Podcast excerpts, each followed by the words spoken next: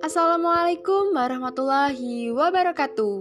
Halo semua, selamat mendengarkan kembali podcast edukasi SD. Senang sekali podcast edukasi SD bisa menemani dan menjadi bagian untuk mengisi waktu teman-teman secara bermanfaat nih. Karena podcast edukasi SD berbagi banyak ilmu, pengetahuan, hingga wawasan mengenai materi yang ada di sekolah dasar. Pada episode kali ini, kita akan belajar bersama membahas tentang unsur-unsur cerita. Setelah podcast ini, teman-teman diharapkan dapat mendeskripsikan unsur-unsur cerita dengan benar dan tepat.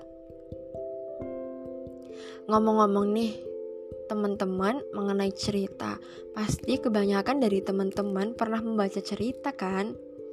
Baik itu cerita di buku tematik, di koran, kemudian komik, novel, buku cerita di perpustakaan, bahkan melalui online di handphone atau di gadget nih. Tapi teman-teman, apakah teman-teman itu tahu bahwa ternyata cerita itu tidak hanya sekedar bacaan? Dalam cerita itu ternyata memiliki unsur-unsur loh. Apa saja ya yang termasuk unsur-unsur dalam cerita? Mari kita bahas unsur-unsur cerita. Unsur yang pertama itu ada judul nih. Pasti kalau teman-teman mau baca cerita, dilihat dulu nih judulnya apa, menarik atau tidak. Seperti itu kan? Judul ini memiliki peranan penting yang dapat menunjukkan isi cerita secara singkat. Bahkan nih teman-teman, Judul itu dapat menunjukkan siapa tokoh utama dalam cerita tersebut. Misalnya, judulnya itu Persahabatan Semut dan Belalang. Berarti tokoh dalam cerita tersebut sudah dipastikan yaitu si semut dan si belalang. Kemudian mengenai tokoh Ternyata tokoh itu juga termasuk dalam unsur cerita. Kak, kira-kira itu yang termasuk tokoh itu siapa aja ya? Jadi nih teman-teman, untuk tokoh itu bisa orang, bisa binatang atau benda yang menjalani peristiwa dalam cerita tersebut. Kemudian Unsur yang ketiga masih berhubungan dengan tokoh, yaitu sifat tokoh. Teman-teman, ternyata sifat tokoh itu dibedakan menjadi tiga. Ada tokoh protagonis, tokoh antagonis, dan tokoh tritagonis. Untuk tokoh protagonis itu tokoh yang memiliki karakter atau sikap yang baik, yang positif, dan menyampaikan hal-hal yang positif dan baik pula. Kemudian nih, untuk tokoh antagonis itu kebalikannya dari protagonis. Berarti untuk tokoh antagonis itu memiliki watak atau karakter yang negatif, buruk seperti itu. Dan sering kali nih kalau tokoh antagonis itu selalu bertentangan dengan tokoh protagonis. Ibaratnya itu si tokoh antagonis adalah musuh dari protagonis. Kemudian tokoh yang ketiga sifat tokohnya itu ada tokoh tritagonis. Tritagonis ini menjadi tokoh penengah antara permasalahan protagonis dan antagonis. Kemudian unsur selanjutnya ada latar. Latar itu dibedakan menjadi tiga juga. Ada latar tempat, waktu, dan suasana. Untuk latar tempat itu sudah pasti ya yang berhubungan dengan lokasi terjadinya peristiwa. Kemudian kalau waktu itu bisa siang hari, pagi hari, sore hari, malam hari, atau pukul 7, pukul 8, pukul 9, seperti itu. Kemudian kalau latar suasana itu seperti suasana dalam cerita, misalnya menyenangkan, menyedihkan, atau menakutkan, atau menegangkan. Contohnya nih, dalam cerita kisah bawang putih dan bawang merah. Misalnya, tempatnya itu di rumah bawang putih. Kemudian waktunya di sore hari dan suasananya itu sangat menakutkan. Itu misalnya ya, contohnya. Kemudian selanjutnya ada alur. Alur ini adalah jalan cerita yang berupa rangkaian peristiwa dari awal sampai akhir. Alur ini dibagi menjadi tiga. Ada alur maju, alur mundur, dan alur campuran. Teman-teman, kalau untuk alur maju itu alur yang menceritakan dari kisah awal perjuangan hingga ending. Tapi kalau alur mundur itu dia awalnya menceritakan dari endingnya ke perjalanan-perjalanan sebelum menuju ending. Kalau alur campuran itu adalah cerita yang di dalamnya itu terdapat alur maju dan alur mundur. Kemudian unsur yang terakhir itu ada pesan moral nih teman-teman atau nilai yang bisa kita petik dalam cerita yang sudah kita baca. Dan nilai tersebut selalu berhubungan dengan tema yang mendasari cerita. Misalnya, dalam cerita bawang putih dan bawang merah, pesan moral atau nilai yang dapat kita ambil yaitu kita harus selalu berbuat baik kepada saudara tiri maupun saudara kandung dan bahkan ke semua orang. Itu contohnya. Begitu materi mengenai unsur-unsur cerita. Teman-teman mungkin kurang afdol ya kalau kita nggak menganalisis atau menerapkan langsung nih ke dalam suatu cerita untuk mencari unsur-unsurnya. Jadi di sini kakak akan membacakan sebuah cerita yang sangat menarik dan nanti teman-teman mencoba cari unsur-unsur yang terdapat dalam cerita tersebut. Cerita yang akan kakak bacakan ini yaitu cerita tupai dan ikan gabus. Mari teman-teman mendengarkan ceritanya ya. Pada zaman dahulu kala, di sebuah telaga, hiduplah seekor tupai dan ikan gabus. Mereka hidup dengan rukun dan saling tolong-menolong. Apabila yang satu sedang terkena masalah, yang lain pasti akan segera membantu. Kemudian pada suatu pagi, tupai datang dan mengunjungi ikan gabus. Ternyata sahabatnya itu sedang sakit. Kondisinya terlihat begitu lemah dan memprihatinkan. Tupai kemudian memutuskan untuk menemani dan menjaganya. Beberapa hari kemudian, kondisi ikan gabus masih tidak menunjukkan perubahan. Bahkan, ia juga tidak memiliki tenaga untuk sekedar menelan makanannya. Tupai tentu saja semakin bingung. Ia ingin melihat sahabatnya sembuh dan bisa beraktivitas seperti sedia kala tak mau melihatnya sahabatnya seperti itu terus-terusan, Tupai kemudian memaksanya untuk makan. Meskipun sedikit tak apa, yang penting perutnya terisi. Katanya, Gabus, makanlah dulu, biar kamu cepat sembuh. Kamu memang tidak mau berenang dengan bebas sambil menikmati udara segar lagi. Namun, Gabus hanya menggelengkan kepala dan menjawab, "Tapi aku tak ingin makan, tupai.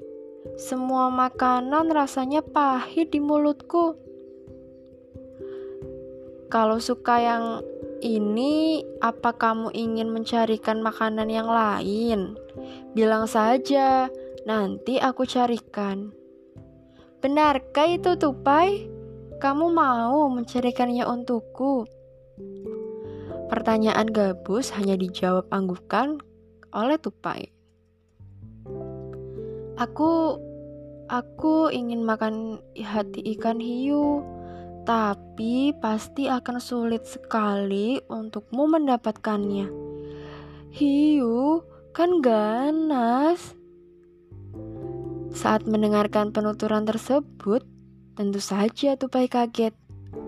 Ternyata permintaan sahabatnya cukup sulit untuk dipenuhi. Terlebih lagi, hiu adalah ikan yang sangat besar dan ganas. Bisa-bisa Sebelum mendapatkan hatinya, ia sudah dimakan duluan. Namun, karena sudah berjanji, mau tidak mau, tupai akan tetap menepatinya. Baiklah, Gabus, aku akan berusaha menempatkan hati hiu supaya kamu sembuh. Berhari-hari, tupai mencari cara supaya bisa mewujudkan keinginan pohon ke pohon lainnya untuk mendapatkan inspirasi. Saat melihat buah kelapa, ia kemudian memiliki sebuah ide. Dirinya mencari pohon kelapa yang menjorok ke laut. Setelah itu, ia kemudian melubangi sebuah biji kelapa dengan sangat hati-hati. Ketika semua airnya sudah dikeluarkan, ia masuk ke dalam kelapa tersebut. Daging buahnya tidak dibuang karena bisa dijadikan bekal di perjalanan. Sepertinya dengan begini, nanti aku bisa bertahan selama beberapa hari.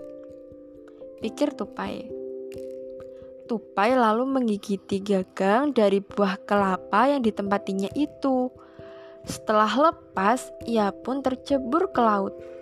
Lalu terbawa ombak yang besar dan terombang-ambing di tengah lautan lepas, menunggu seekor hiu untuk memangsa tupai.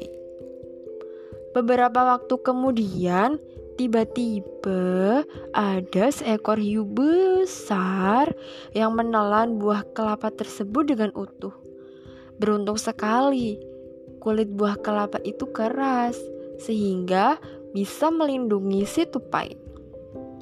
Sesampainya di perut ikan hiu, ia keluar dari buah kelapa tersebut. Dengan hati-hati, ia berusaha untuk mengambil hati ikan hiu.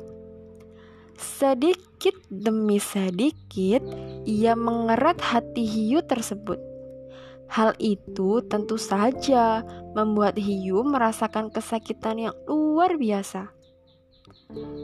Ikan besar tersebut menggelepar-gelepar di dalam air. Karena sudah tidak kuat, ia akhirnya mati dan terdampar di pinggir pantai. Setelah merasa benar-benar aman, tupai keluar dari perut ikan hiu sambil membawa hatinya. Ia lalu mencari jalan untuk pulang dan menyerahkan hati tersebut untuk sahabatnya.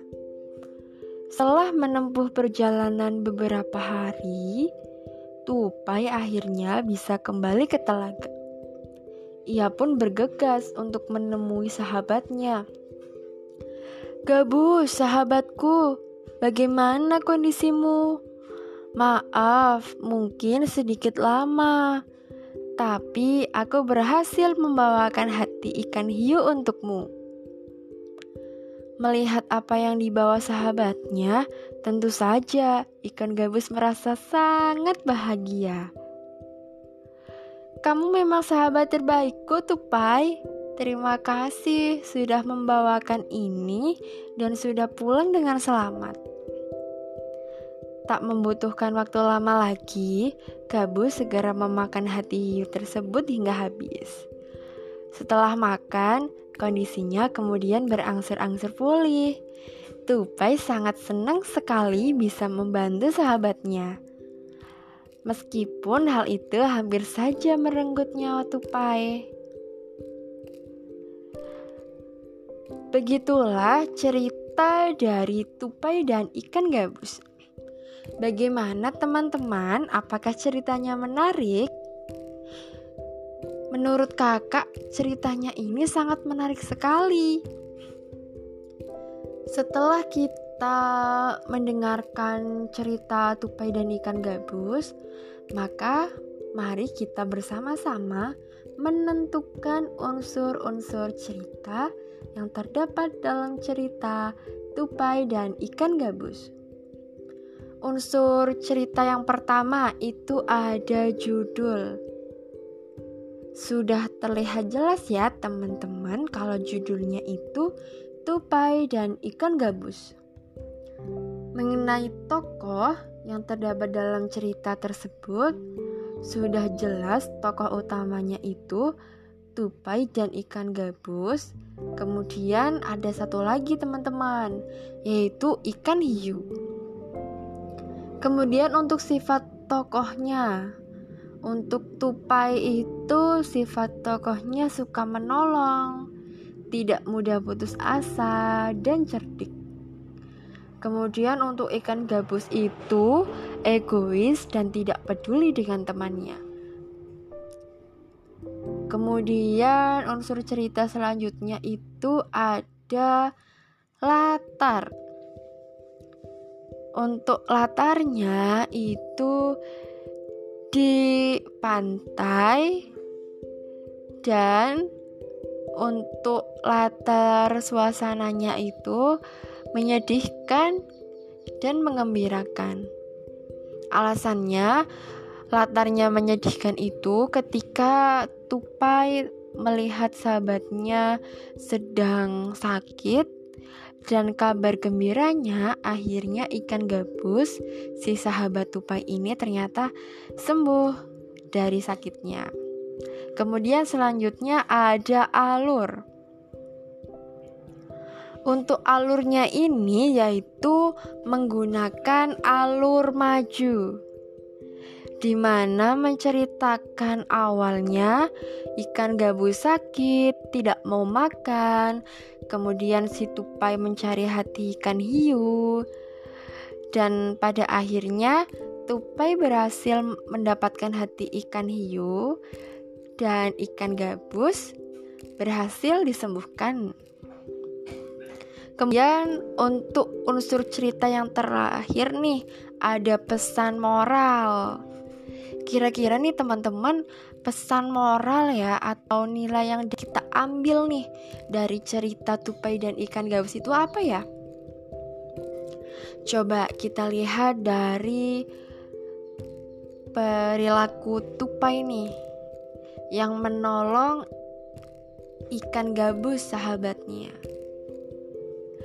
Walaupun dia harus mempertaruhkan nyawanya karena dia harus mendapatkan hati ikan hiu yang sangat besar dan ganas. Jadi nih teman-teman, pesan moral yang dapat kita ambil yaitu kita harus menolong orang yang membutuhkan atau orang yang sedang sakit dengan sekuat tenaga. Begitulah materi dari unsur-unsur cerita kemudian cerita tupai dan ikan gabus, dan analisis dari unsur cerita tupai dan ikan gabus. Jadi, kesimpulan pada episode kali ini yaitu unsur cerita itu ada enam. Yang pertama ada judul, kemudian tokoh, ada sifat tokoh, ada latar, ada alur, dan yang terakhir ada pesan moral. Kemudian tadi kita kan sudah bersama-sama nih menganalisis unsur cerita dari tupai dan ikan gabus. Semoga nih teman-teman sudah paham ya mengenai unsur-unsur cerita. Sekian dari kakak yang dapat disampaikan dalam podcast episode kali ini. Semoga bermanfaat buat teman-teman. Dan mohon maaf apabila dalam perkataan mungkin kakak ada salah, salah perkataan, dan lain-lain. Semangat belajar ya teman-teman dan sampai bertemu pada pertemuan selanjutnya. Demikian pembahasan mengenai unsur cerita. Sampai jumpa kembali di podcast selanjutnya. Salam edukasi.